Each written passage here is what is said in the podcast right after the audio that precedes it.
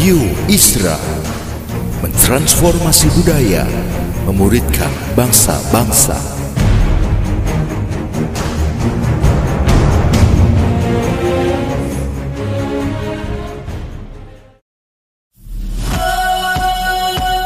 Suara Transformasi Membagikan inspirasi tentang karya-karya memuridkan bangsa dengan nilai-nilai Kristiani dalam berbagai sisi kehidupan. Selamat mendengarkan.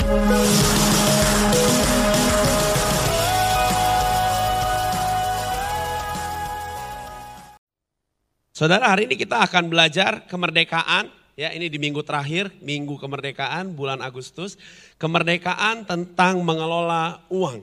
Kemerdekaan bagaimana kita bisa mengelola uang dengan baik. Katakan kiri kanannya kelola uang dengan baik. Amin. Nah, satu satu pagi waktu saya baca Alkitab, saya selesai uh, Wahyu. Biasa kan ada dari kejadian sampai Wahyu selesai gitu ya. Kalau selesai Wahyu masuk kitab apa lagi? Kejadian lagi kan. Nah waktu itu saya baca kejadian ada sedikit pertanyaan dalam hati saya. Aduh ngulang lagi. Baca nih saya udah pernah baca. Udah beberapa kali. Ngulang lagi kayaknya Tuhan mau kasih tahu apa ya gitu ya. Dan ini hal yang menarik yang Tuhan mau sampaikan buat kita semua. Di dalam kejadian pasal 2 ayat yang ke-9 kita buka sama-sama. Hari ini saya nggak pakai PowerPoint jadi eh, kita akan banyak buka ayat dan cukup mendengarkan, menyimak dengan baik apa yang hari ini akan saya sampaikan. Oke? Kejadian pasal 2 ayat yang ke-9.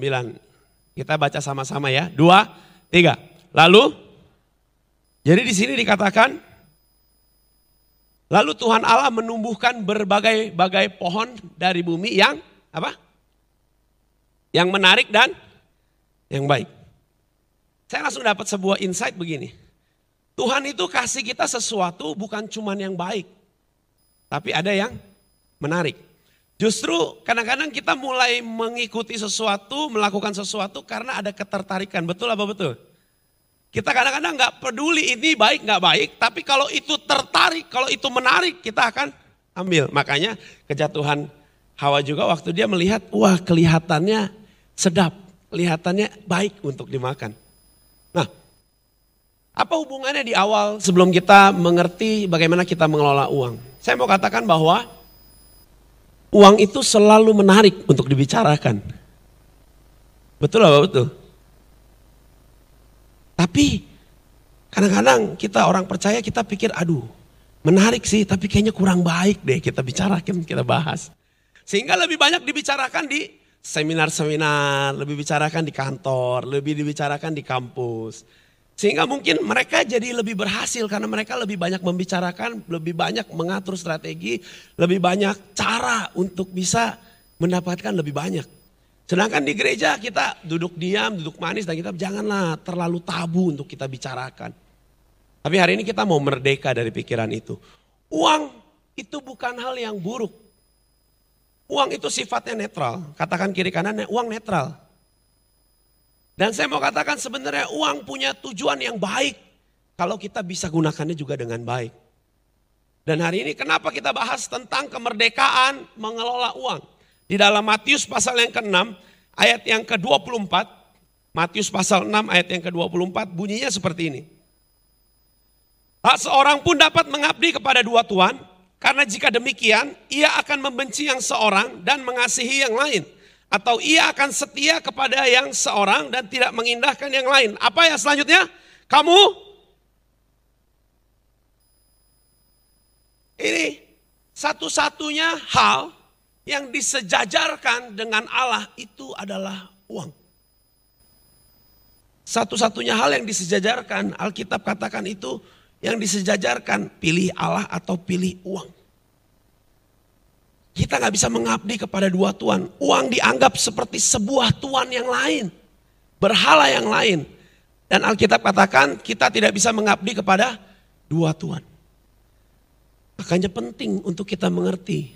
Kita merdeka dalam cara kita mengelola keuangan kita. Sebab apa?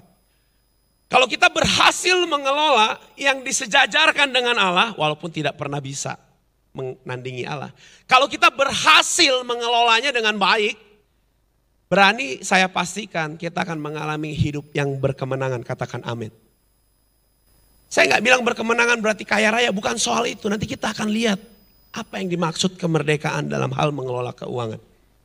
Saya tes dulu. Ya. Berapa banyak yang pagi hari ini, siang hari ini rasa ini penting nih Bu untuk saya tahu. Boleh saya lihat tangannya?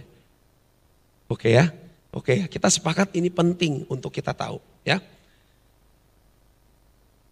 Uang hal yang menarik tapi juga sebenarnya hal yang baik. Kalau kita perhatikan, waktu Yesus mulai bertumbuh dalam Lukas pasal 5 ayat ke-52. Dikatakan, dan Yesus makin bertambah besar dan bertambah hikmatnya dan besarnya. Dan makin dikasih oleh Allah dan manusia. Yesus adalah cerminan yang sangat sempurna dikasihi Allah dan dikasihi manusia. Sekarang siapa di sini yang gak suka sama uang? Gak ada. Semua suka karena kalau gak ada uang repot juga ya. Tapi siapa pertanyaannya siapa di sini yang istilahnya mengasihi Tuhan? Semua akan bilang gitu. Tapi pertanyaan yang selanjutnya, apakah mengasihi Tuhan dan kita juga suka sama uang bisa dijadikan satu? Yesus memberikan sebuah pengajaran bagaimana dia dikasihi manusia tapi juga dia dikasihi Allah. Secara ukuran dunia dia dipandang baik, dia dipandang luar biasa, makanya dia dikasihi. Tapi juga di hadapan Tuhan dia tidak ada cacat, tidak ada celah. Jadi hari ini saya mau bongkar pikiran lama kita bahwa uang sesuatu yang tabu, bukan. Uang sesuatu yang luar biasa kalau kita gunakan di dalam Tuhan. Katakan amin. Siapa di sini yang mau punya uang lebih banyak? Lambaikan tangannya. Dan sebagian berkata, boleh gak sih? Pasti orang marketing itu. Gak ada yang salah sama uang lebih banyak. Gak ada yang salah jadi orang lebih kaya. Gak ada yang salah sama semua itu. Yang salah kalau kita tidak mengelolanya dengan baik, kita tidak mengaturnya dengan baik. Yang salah bagaimana cara kita mengejarnya, yang salah bagaimana cara kita mendapatkannya. Makanya kita harus belajar lebih dalam. Ya. Waktu saya chatting di grup Homesel, tahu-tahu ada satu orang anggota dia buat satu ayat. Dia, nih, kenapa ayat ini muncul? Ayat ini di Matius 25 ayat 29 ya. Hari ini kebetulan udah ibadah ya, ira satu. Nanti tolong disampaikan ya. Matius 25 ayat 29. Baca sama-sama. Dua, tiga. Jadi dia tanya, ini ironis sekali. Kenapa orang udah punya malah diberi. Orang yang gak punya malah diambil. Harusnya kan prinsipnya yang kekurangan kita beri, betul nggak? Yang udah berkelebihan ya jangan, udah. Gitu. Setuju apa setuju? Kalau saudara perhatikan Matius 25 ayat 29 ini muncul dalam sebuah perumpamaan. Perumpamaan apa? Perumpamaan tentang talenta. Ada yang dikasih lima, dikasih dua, dikasih satu. Dan ayat ini merupakan konklusi. Ketika yang lima berlipat jadi sepuluh, dua jadi empat, yang satu dikubur nggak ada apa-apain. Akhirnya yang satu dikasih ke siapa? Dikasih yang dikasih lima. Yang satu itu dikasih ke yang punya lima, yang berlipat jadi sepuluh. Nah, simak baik-baik. Ayat ini tidak sedang menjelaskan soal punya talenta, bukan. Jadi kalau kita menafsirkannya, yang punya talenta akan dikasih lebih banyak. Wah ini kayaknya jadi agak bingung. Yang tidak punya talenta akan diambil. Terus sebagian mulai berpikir, waduh gua talentanya udah dikit diambil lagi. Enggak, enggak kayak gitu. Tapi di sini Alkitab mau menggambarkan tentang bukan punya talentanya. Karena talentanya pemberian Tuhan, amin. Bukan uangnya, bukan hartanya. Karena hartanya milik Tuhan, amin. Tapi yang Alkitab katakan yang tidak punya kemauan untuk mengelola yang punya kemauan untuk mengelola akan ditambahkan. Yang tidak punya kemauan untuk mengelola akan diambil. Oleh sebab itu hari ini kita mau belajar bagaimana cara mengelola keuangan kita di dalam Tuhan. Karena siapa yang mau, siapa yang mampu, itu yang akan Tuhan terus tambah-tambahkan. Tadi kan ditanya siapa yang mau punya lebih banyak? Akhirnya hampir semuanya angkat tangan. Kecuali yang masih bergumul itu ya, boleh atau enggak ya. Tapi ternyata itu bukan soal, bukan soal uh, kita bisa atau enggak bisa. Tapi itu soal kita mau atau tidak mau. Mau selalu mengawali kata mampu.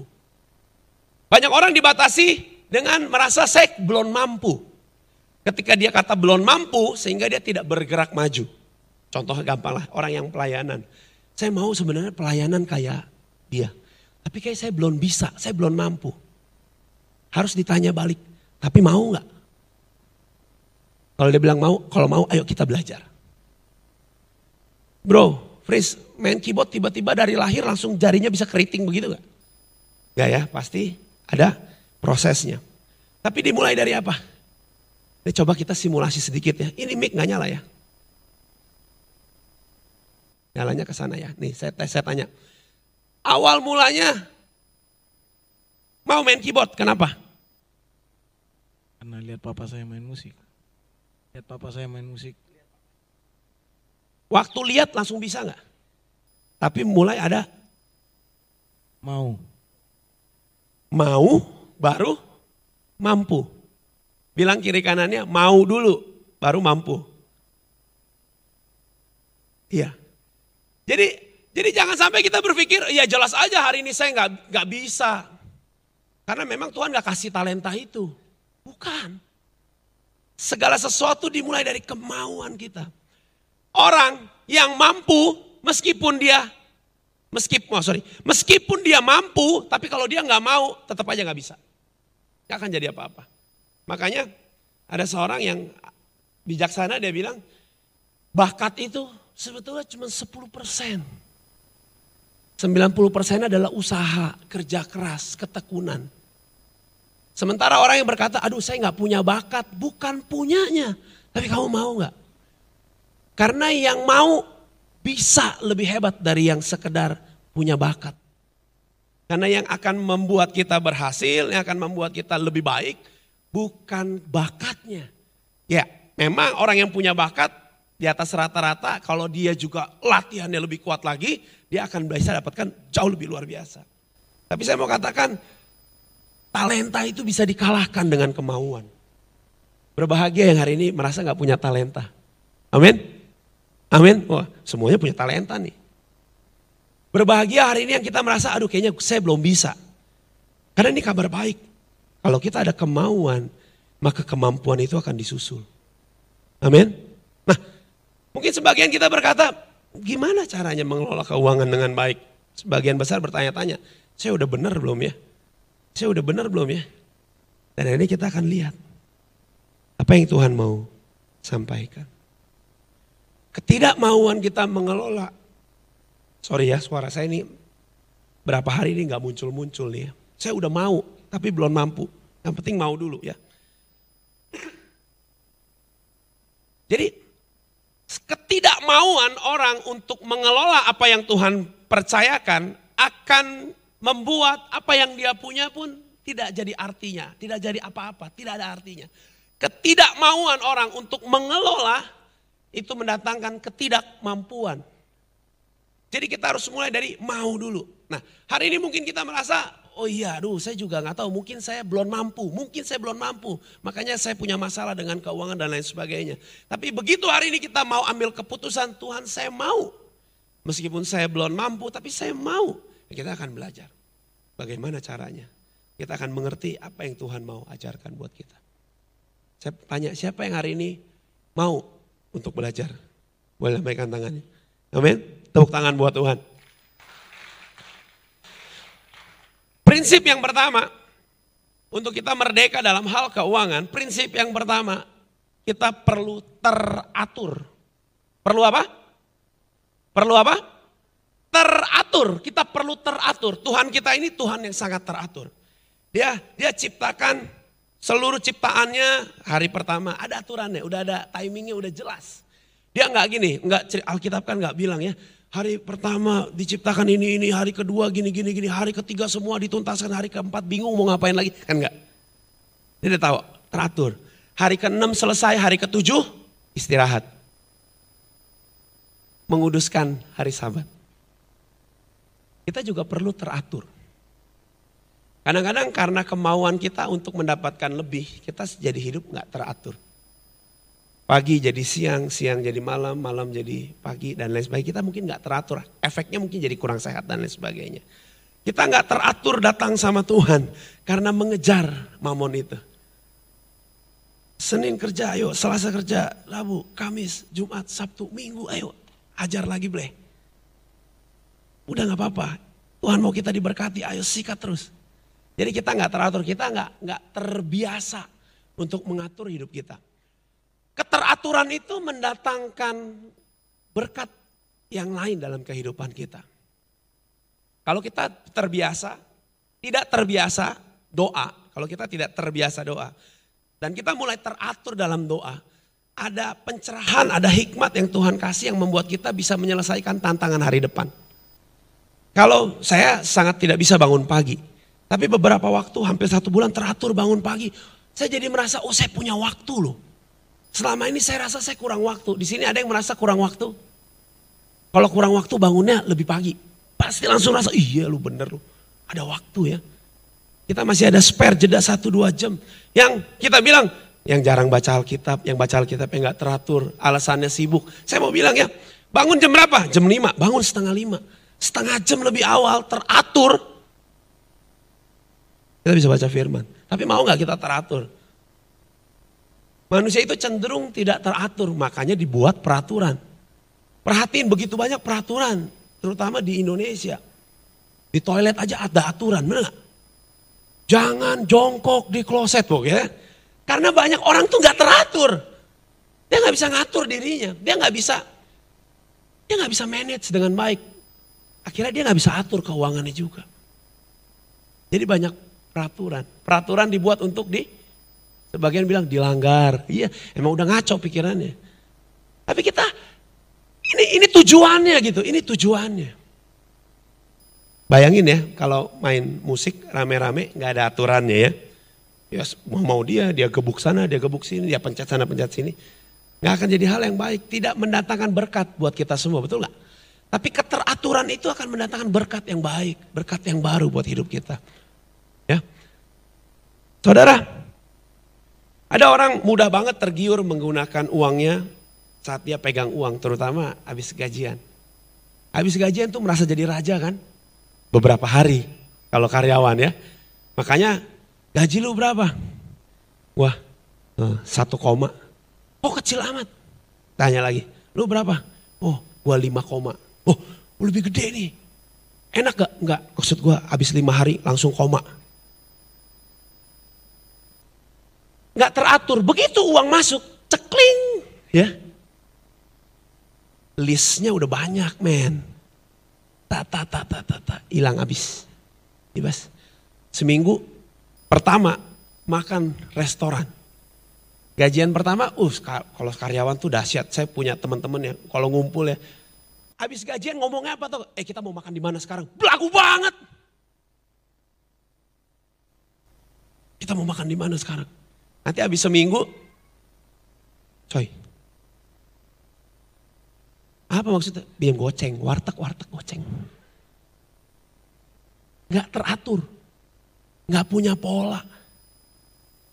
Bahkan banyak orang yang tergiur menggunakan uang saat gak punya uang. Lapar mata. Akhirnya ya kredit, pinjam.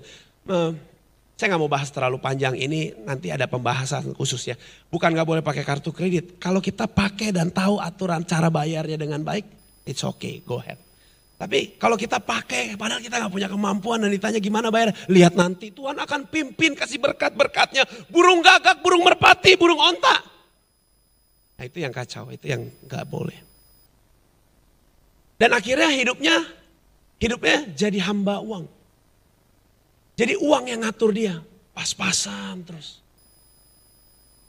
Mau rencanakan sesuatu juga udah nggak bisa. Kenapa? Karena udah terlalu ngepas.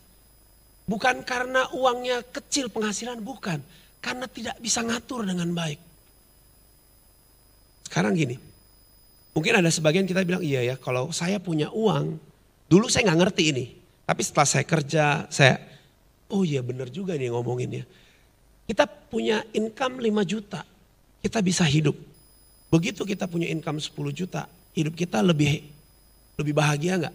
Belum tentu. Lebih susah kadang-kadang iya. Karena menurut saya income-nya lebih banyak, cicilannya lebih gede. Nyekek. Terus kita bilang, kalau saya punya income 12 juta, nambah 20 persen aja. Saya rasa lebih lega. Eh income-nya udah 12 juta, tambah lega. Enggak juga. Makin kecekek.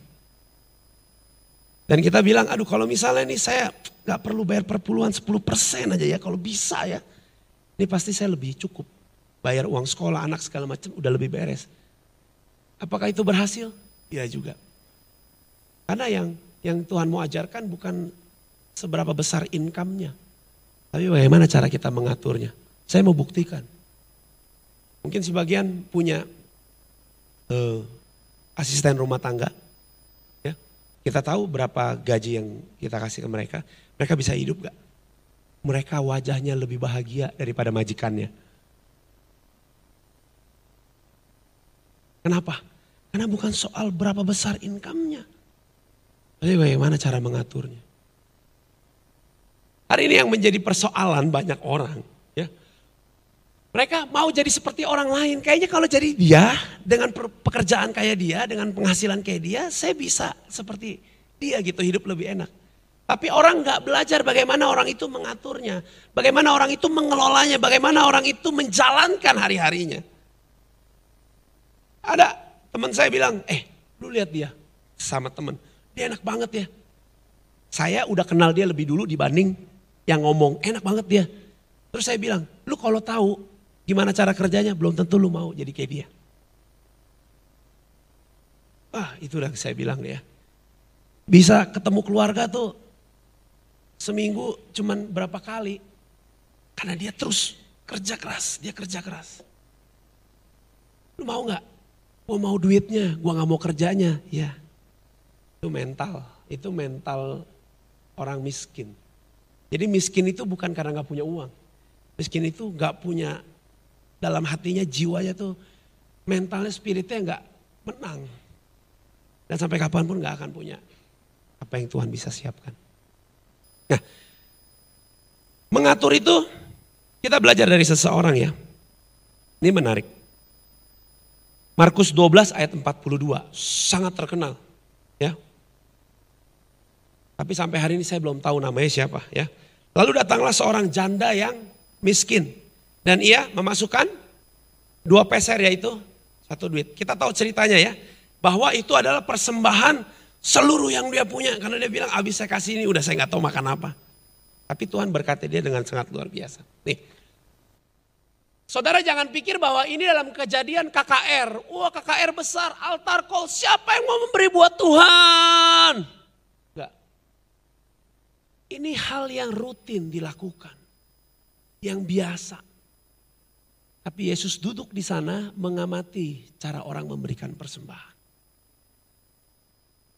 Saya yakin bahwa seorang janda yang miskin ini, dia bukan pertama kali memberi hari itu. Pasti sebelum-sebelumnya dia sudah terbiasa memberi. Dan dia tahu bagaimana cara memberi yang terbaik. Sampai ada satu waktu. Di mana apa yang dia punya, itulah sisa terakhir. Karena keteraturannya. Karena dia mengenal, dia tahu, dia mengerti. Sampai meskipun harus diperhadapkan dengan kehidupan esok harinya, dia tetap dia tetap beri dia tetap beri. Jangan berharap hari ini tiba-tiba kita dapat omset gede, dapat kangtau, ditawarin pekerjaan lebih bagus. Sementara kita tidak teratur, tidak terpola kehidupan. Banyak sekali hidup kita yang harus diatur ulang. Dan keteraturan akan mendatangkan berkat yang baru buat kita. Katakan amin. Ibrani 13 ayat kelima. Janganlah kamu menjadi hamba. Janganlah kamu menjadi hamba uang dan cukupkanlah dirimu dengan apa yang ada padamu.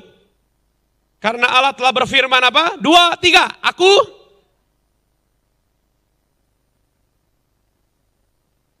Gimana caranya cukupin dengan apa yang ada? Harus atur. Saya sampai hari ini, sampai hari ini. Di mobil saya itu ada, kan biasa mobil ada slot untuk taruh uang receh dan lain sebagainya. Saya selalu selipkan amplop kosong. Dan semua bon, ya saya nggak bilang saudara harus lakukan kayak saya. Cuman ini cara saya. Semua bon apa pun yang berhubungan dengan bulan itu saya rapiin, saya masukin. Hari ini kami berdua masih punya pembukuan. Dan ya kelihatannya agak sedikit jijik ya.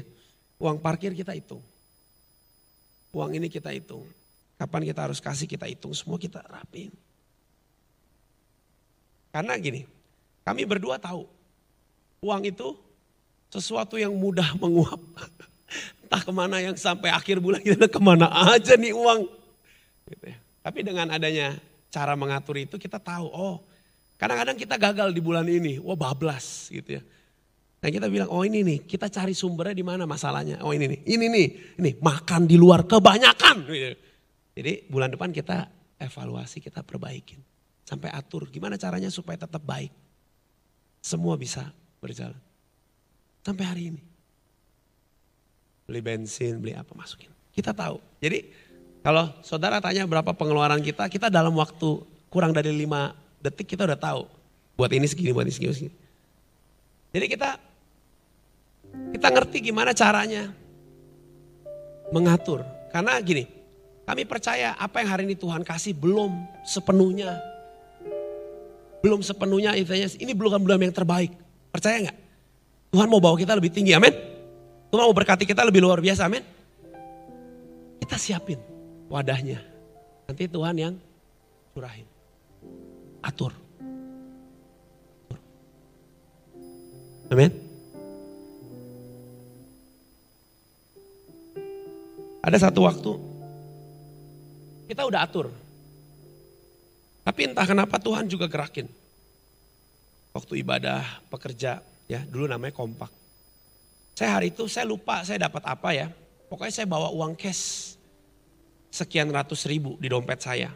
Saya jarang sekali pegang uang cash banyak. Karena nggak ada uangnya juga kayaknya. Jadi hari itu saya pegang uang cash berapa ratus ribu. Tapi ada satu satu ketika si hamba Tuhan ini kayak seperti membuat tantangan dan itu hati saya tergerak. Ini saya nggak cerita sama Hani ya. ya. Kalau kalau waktu itu cerita mungkin saya lupa. Ya, aduh ini gimana nih? Nanti pasti nanti jadi jadi jadi banyak pembahasan gitu ya. Tapi ada satu waktu saya tergerak. Apa yang ada? Percaya nggak sama tuh aku gitu? Saya percaya Tuhan. Percaya itu ya. Kalau ngomong kan gampang ya. Benar gak? Suami istri saling percaya nggak? Percaya gampang nggak? Ngomongnya. Istrinya ke kamar mandi, suaminya ke kamar mandi, buka WA-nya. percaya ngomong gampang, prakteknya ya buktinya harus dilakukan. Jadi hari itu saya cuma bilang Tuhan, Tuhan yang paling tahu. Tuhan yang paling tahu. Tapi hari itu saya mau taat. Saya mau taat. Dan saya kasih. Damai sejahtera. Damai sejahtera. Saya ngebayangin janda sarfat tuh kayak gitu mungkin. Tapi dia lebih luar biasa lagi loh. Dia udah gak ada tabungan lagi dia. Jangan pikir bahwa memberi itu mengatur keuangan kita itu seperti mujizat yang datang tiba-tiba dan kita berubah. Enggak. Butuh kedisiplinan, butuh keteraturan. Tapi nanti ada sewaktu-waktu di mana Tuhan akan tantang hati kita. Karena kita sudah ingin mengizinkan Tuhan bekerja dalam hidup kita. Dan kita bilang, iya Tuhan. Nah teman-teman tahu nggak? Ini memang selalu apa yang ditabur itu tidak akan pernah sia-sia. Beberapa waktu setelahnya, saya ingat betul. Saya nggak bisa cerita secara detail. Tapi Tuhan bisa kembalikan apa yang saya tabur. Walaupun saya juga udah rela bilang ini kan udah buat Tuhan. Tapi Tuhan bisa kembalikan dengan caranya yang luar biasa. Dan saya cuma bilang, Tuhan ingetin bahwa tadi percaya nggak sekali-kali aku nggak akan ninggalin kamu. Gak akan pernah. Tuhan tuh kayak mau kasih ujian aja. Ujian lolos, oh siap. Berarti wadahnya makin gede. Jebret. dikasih yang lebih banyak. Amin. Amin. Mau? Mulai sekarang lebih baik lagi. Amin. Tepuk tangan dong buat Tuhan.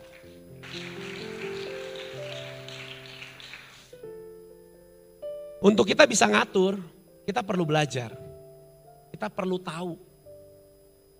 Nah, tahu itu bicara tentang kemauan kita belajar, kita e, mendapat pengetahuan. Tapi untuk mengimplementasikannya itu butuh hikmat. Jadi nggak serta merta begitu kita dengar orang, kita bilang saya mau kayak dia dan besok kita bisa lakukan belum tentu. Pergumulannya panjang di dalam kehidupan hati kita. Ini sebabnya kenapa kita butuh Tuhan. Kalau secara manusia, oh secara logika saya bisa kok ngatur. Seperti orang mau bisnis, di atas kertas semua plan bagus betul. Tapi kita butuh penyertaan Tuhan untuk membuat semua itu terrealisasi. Mau lari pagi aja, itu butuh hikmat dari Tuhan. Janjian 5-6 orang, Bro besok bro ya, oke siap, yo siap, yo ya ya ya ya. Besok pagi, siapa yang udah bangun? Gak ada yang jawab. Saya bilang aja, merencanakan itu sangat mudah. Karena saya yang bangun duluan. Untuk merealisasikannya, itu tantangan yang lainnya. Kita belajar gampang. Bisa cari di buku, dengar orang, di internet, bisa. Tapi kalau enggak ada Tuhan, kalau kita tidak libatkan Tuhan, kita pun nggak punya hikmat untuk menerapkannya. Ratusan orang dengar kebenaran firman. Tapi orang-orang yang melibatkan Tuhan bekerja dalam hidupnya. Yang akan mengimplementasikannya. Sesuai seperti yang Tuhan mau. Tuhan gak pernah pingin saudara jadi orang yang lain. Tuhan selalu punya rencana besar buat kehidupan kita masing-masing. Makanya kita butuh libatkan Tuhan. Jadi kita kerja kadang-kadang kan gini. Ya yang penting kerjalah. Nanti berkat dari Tuhan. Tapi kalau kita nggak libatin Tuhan.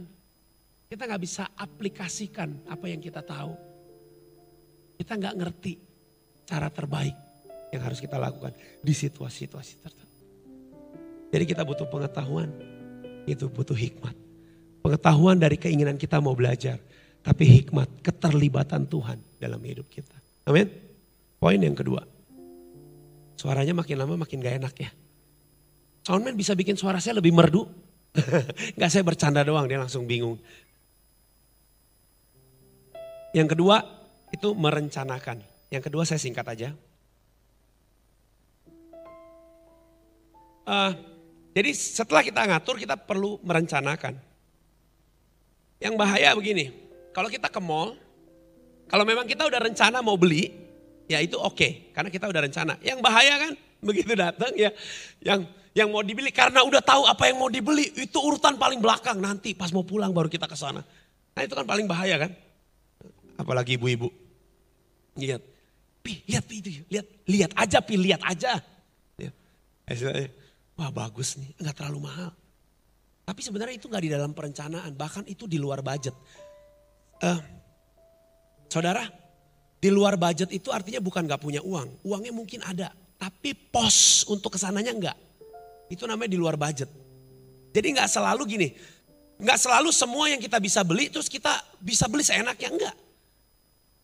Kalau ini sesuai, ini masuk dalam budget kita yang ngaturnya dengan baik, silakan beli. Tapi kalau enggak, meskipun murah sekalipun, seharusnya kalau tidak dalam perencanaan, itu tidak.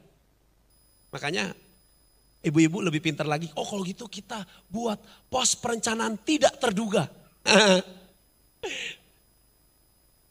Bahayanya, ya kalau masih ada uangnya bisa bayar oke okay lah ya. Bahayanya, wah ini mahal, bisa dicicil.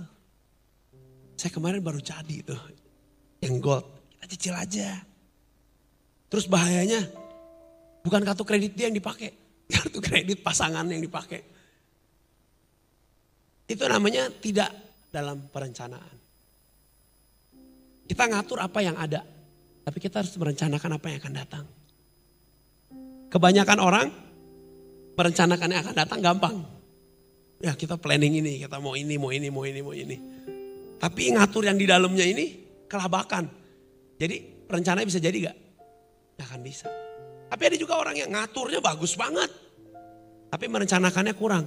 Jadi begitu, sewaktu-waktu ada sesuatu, waduh, kita udah gak ada.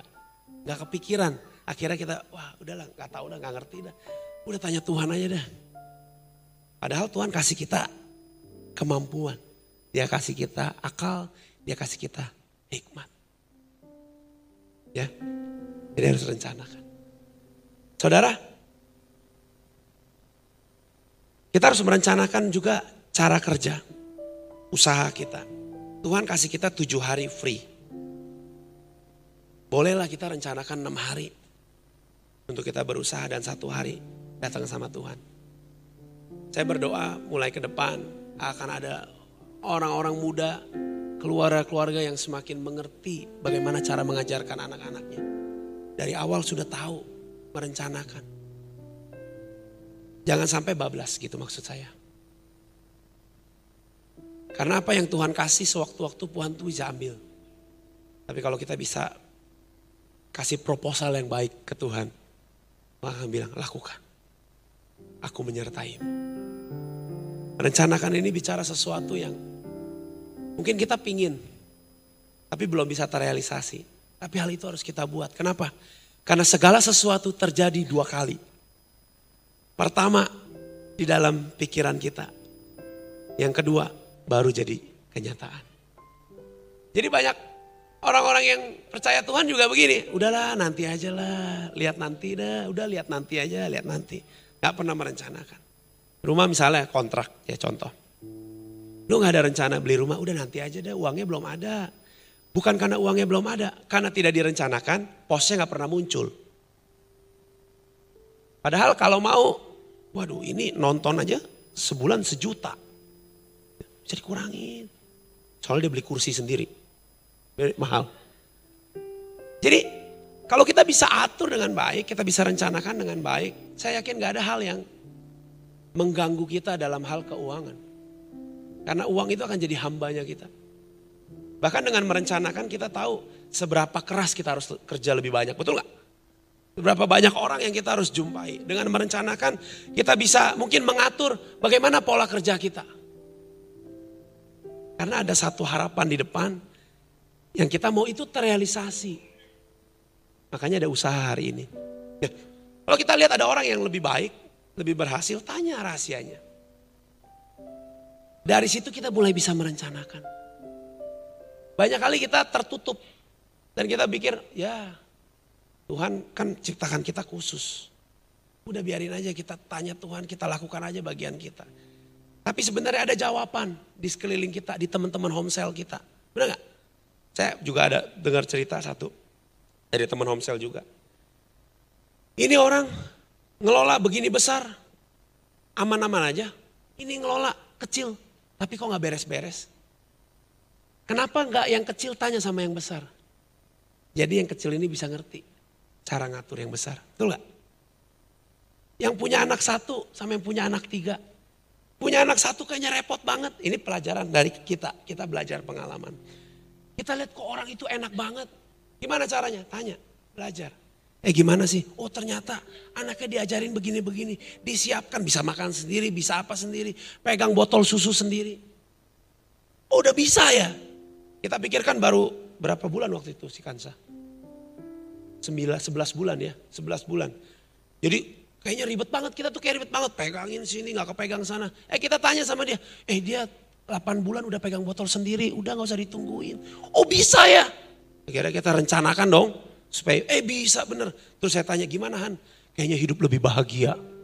Gara-gara botol susu. Begitu juga dengan keuangan kita. Terbuka, terbuka. Lebih banyak dengar, lebih banyak lihat. Lebih banyak terlibat. Nih saya mau dorong. Saudara yang belum ambil pelayanan, saya dorong ambil terlibat. Karena di dalam pelayanan Tuhan bukakan pintu-pintu yang lain dalam kehidupan kita. Kita belajar lebih banyak. Hati kita tuh tidak lama-lama hati kalau didiemin lama-lama bisa kaku. Bisa beku. Tapi kalau kita terlibat, kita tahu, wah ternyata Tuhan mau pakai kita. Tuhan bisa berkati kita dari sini, dari sini, dan lain sebagainya. Amin. Ya mungkin hari ini enggak, tapi coba mulai rencanakan. Wah kayak saya waktu satu waktu saya akan pelayanan. Amin. Mau menikah aja direncanakan. Masa mau menghadap Tuhan kita tidak direncanakan. Ya. Yang kedua ini yang ketiga yang penting sekali. Hmm. Oh ya, yang kedua ada sedikit yang belum. Seorang pakar pembinaan keluarga bilang pertumbuhan anak-anak akan baik apabila kondisi keuangan keluarganya baik. Dia nggak bilang kalau orang tuanya kaya, enggak. Dia nggak bilang kalau orang tuanya kaya. Dia bilang anak itu akan bertumbuh dengan baik kalau kondisi keuangannya baik. Kondisi keuangan yang baik bisa terjadi kalau kita bisa mengatur dan bisa merencanakan. Amin. Yang ketiga, yang terakhir. Yang pertama tadi apa? Teratur. Apa yang kita punya hari ini kita atur dulu. Cukupkan dengan apa yang ada. Ya. Yang kedua, merencanakan. Boleh nggak kita punya keinginan lebih dari hari ini? Boleh. Rencanakan. Libatkan Tuhan. Yang ketiga, miliki tujuan. Jadi dalam setiap keuangan kita, miliki tujuan untuk memperluas kerajaan Allah. Karena apa yang Tuhan titipkan sama kita, satu waktu dia akan minta pertanggungjawabannya. Yang dikasih lima, dua, satu, talenta, udah dikasih didiemin? Enggak. Satu hari Tuhan yang akan datang. Apa yang sudah kamu kerjakan? Karena kita lahir telanjang, pulang telanjang. Tapi apa yang pernah mampir di hidup kita, Tuhan akan tanya, mana pertanggungjawabannya? You bikin proposal udah bagus-bagus, mana hasil terakhirnya? Jangan proposal bagus, proposal kayak doa. Oh, Tuhan, kalau saya diberkati saya akan bla bla bla bla bla bla bla. Tuhan udah berkatin dan Tuhan tanya, "Mana itu bla bla bla bla blanya?" Selalu miliki tujuan untuk memperluas kerajaan Allah. Kenapa kita harus diberkati? Kalau saudara bisa jawab, saya yakin Tuhan pasti akan kasih. Banyak orang biasakan simulasinya begini. Ibu Loli, kalau Tuhan tiba-tiba kasih lewat orang ya, maksudnya nggak jatuh gitu takut kaget. Satu miliar, apa yang akan dipergunakan? Ya kan suka ada simulasi gitu ya. Seminar-seminar motivasi juga ya. Kalau tiba-tiba ada orang kasih modal buat Andreas satu miliar, mau dipakai buat apa? Begitu orang yang nggak bisa jawab, nggak bakal dapet. Soalnya nggak bisa jawab. Nggak tahu. Tapi kalau kita punya tujuan. Dan tujuannya itu untuk memperluas kerajaan Allah. Dia sebagai pemilik kerajaannya akan sangat senang. Kalau kita kerja di kantor, terus kita bilang, bos nih, bos siapin modal, saya akan buat ini, ini, ini, ini, ini. Ini akan menghasilkan omset lebih besar buat kantor kita. Bosnya sta, uh, visibility study dicek, wah ya bagus. Kalau dia punya modal, dia kasih. Kerjain, you sebagai PIC-nya. Mungkin sales. Bos belum pernah nih diterobos daerah sini nih bos. Bos bekalin saya. Tiket segala macam penginapan, tenang. Di sana saya bisa uh, ambil omset lebih banyak. Dipelajarin, oh iya bener. Dikasih. Tiket penginapan dikasih. Kalau kita selalu memiliki tujuan, visi untuk memperluas kerajaan Allah. Saya yakin banget. Banyak hal besar yang kita nggak pernah duga. Apa yang tak pernah dilihat oleh mata. Apa yang tidak pernah didengar oleh telinga. Bahkan tidak pernah timbul dalam hati kita. Itu yang Tuhan sediakan buat kita. Karena dia tahu lewat hidup kita, kerajaan Allah makin diperluas. Amin. Berapa banyak dari kita yang sudah mikirin kerajaan Allah? Atau sementara ini kita masih mikirin kerajaan sendiri. Kita masih mikirin bayar kontrakan. Kita masih mikirin gimana caranya sekolahin anak. Kita masih mikirin gimana caranya bisa punya mobil. Sedangkan ada pekerjaan Allah yang besar. Bukan gak boleh ya. Saya yakin saudara bisa ngerti maksud saya. Bukan gak boleh punya itu. Makanya kan saya bilang boleh merencanakan. Tapi ada gak di dalamnya? Satu tujuan keuangan kita untuk memperluas kerajaan Allah. Ada gak? Kalau itu nggak ada hari ini tanya Tuhan. Timbulkan. Apalagi. Bro Rifai. Kita punya mobil gerhana udah lunas. Sudah lunas. Sudah beres. Habis ini mau beli apa lagi? Hah? Saya kalau nggak salah mau beli tanah, bener gak? Bener ya? Ada proyek yang besar. Saudara tahu gereja kita mau dikembangkan dengan lebih besar lagi akan diperluas. Bawah akan jadi basement. Itu butuh dana. Gereja bukan tempat minta-minta uang. Tapi di sini kita belajar cara merdeka dari keuangan. Dunia ajarkan financial freedom, tahu? Itu familiar buat kita, benar gak? Dunia ajarkan kita financial freedom, makanya harus punya uang banyak. Supaya bebas financial freedom. Tapi Tuhan mau ajarkan kita bukan financial freedom. Bebas dari perhambaan atas uang itu sendiri. Supaya segala sesuatu yang kita miliki itu mendatangkan kemuliaan bagi nama Tuhan. Kalau nggak sampai kapan kita akan bilang Tuhan saya kurang, saya nggak saya nggak cukup, saya nggak bisa lakukan itu karena saya masih begini begitu. Kalau kita punya rencana yang jelas tujuannya untuk memperbesar kerajaan Allah. Tuhan bisa buka pintu-pintu yang selama ini mungkin kita doakan untuk terbuka. Tanya Tuhan, Tuhan apa lagi yang harus saya lakukan untuk memperluas kerajaan Allah. Gak ada yang salah dengan kita makin banyak uang. Tapi sebelum kita makin banyak uang, kita harus tahu aturannya. Karena uang itu gak akan makin banyak. Makin dikit iya, kadang-kadang. Kita harus merdeka dalam pengelolaan akan uang. Saya berikan sebuah uh, contoh sederhana. Nanti dibaca ya. Kejadian uh, waktu Nuh membuat bahtera.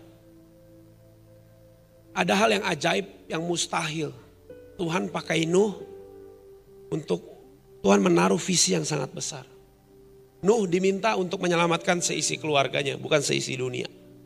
Nuh cuma diminta untuk selamatkan seisi keluarganya dan binatang-binatang sepasang-sepasang. Kalau yang uh, unggas tujuh pasang. Ya. Alkitab ada catat bahwa Nuh harus buat bahtera dan Nuh harus bawa binatang sepasang-sepasang. Notabene Nuh bukan seorang pembuat kapal. Nuh bukan uh, seorang yang ahli dalam uh, kebinatangan. Tapi hal yang menarik di akhir dari tugas yang Nuh sudah kerjakan. Dia udah buat bahteranya. Alkitab catat.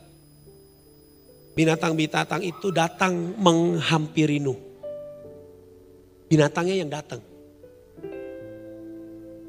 Pernah dengar nggak? Kalau you cinta sama Tuhan, maka uang akan mengikuti you. Saya dulu nggak pernah ngerti loh. Saya pikir gimana caranya uang ngikutin saya. Sampai hari ini saya cari uang di mana. Tapi Tuhan bawa kita ngerti. Oh iya bener. Awalnya Tuhan kasih kita sebuah tanggung jawab. Kerjakan. Tapi tahu nggak, di dalam proses itu Tuhan yang menolong kita menyelesaikannya. Karena dengan kemampuan kita gak akan bisa. Nuh punya bahtera gede banget, tahu kan? Ya. Tahu nggak pintunya? Gimana cara nutupnya? Alkitab catat. Maka Allah menutup pintu bahtera itu. Ya mungkin Tuhan pakai angin, pakai apa segala macam. Alkitab yang catat. Jangan pernah takut terima mimpi visi dari Tuhan. Kalau kita kalau kita ada di dalam Tuhan. Dan Tuhan lihat kita mau menjadi pengelola yang baik. Tuhan yang sempurnakan. Apa pun itu, sebesar apa pun. Kita ini ibarat kayak selang. Ya, di rumah pasti punya selang ya. Selang kalau nggak kepake lama, dalamnya ada apa? Lumut, kotoran begitu ya. Begitu dibuka, kotorannya keluar semua sama airnya buka kotorannya keluar juga. Mungkin kita juga hatinya hari ini banyak kotoran.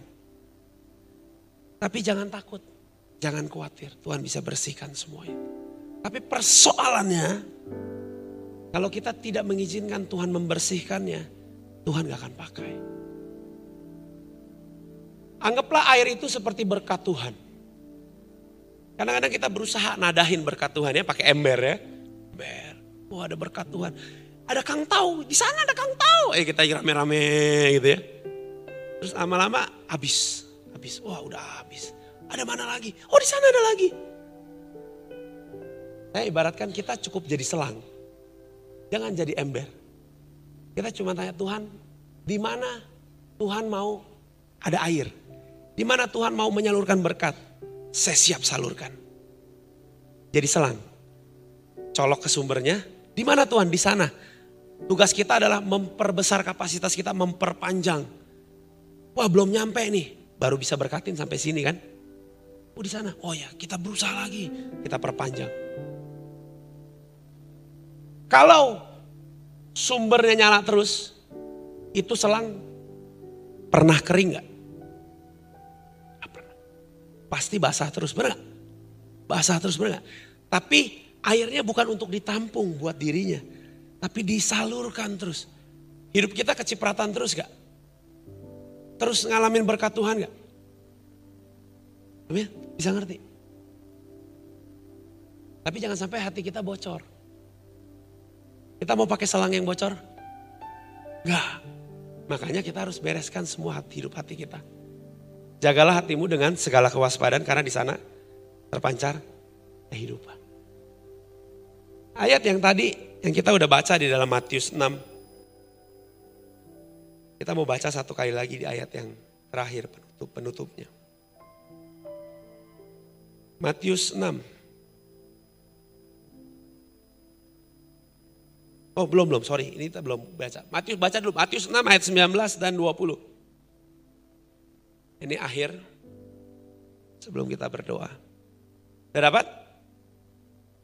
Baca sama-sama ya. Eh tunggu tunggu ini saya dulu pernah kayaknya pernah khotbah agak ngomel-ngomel nih karena pada nggak mau baca firman ya. Ya, mau diomelin lagi? Enggak ya, nanti nggak disuruh khotbah lagi.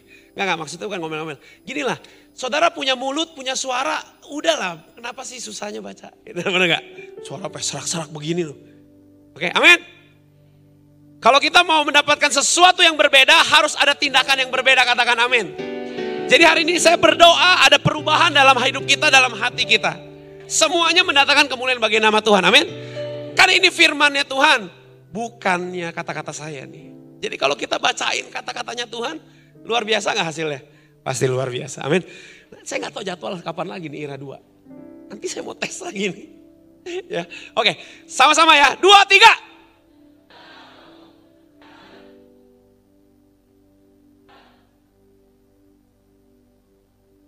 Dua puluh.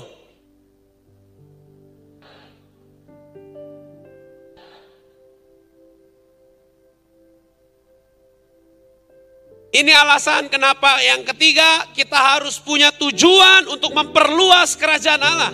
Karena apa yang kita miliki di sini semuanya akan kita tinggalkan. Tapi apa yang kita tabur untuk kerajaan Allah. Mengat apa pun itu juga tidak akan pernah merusaknya.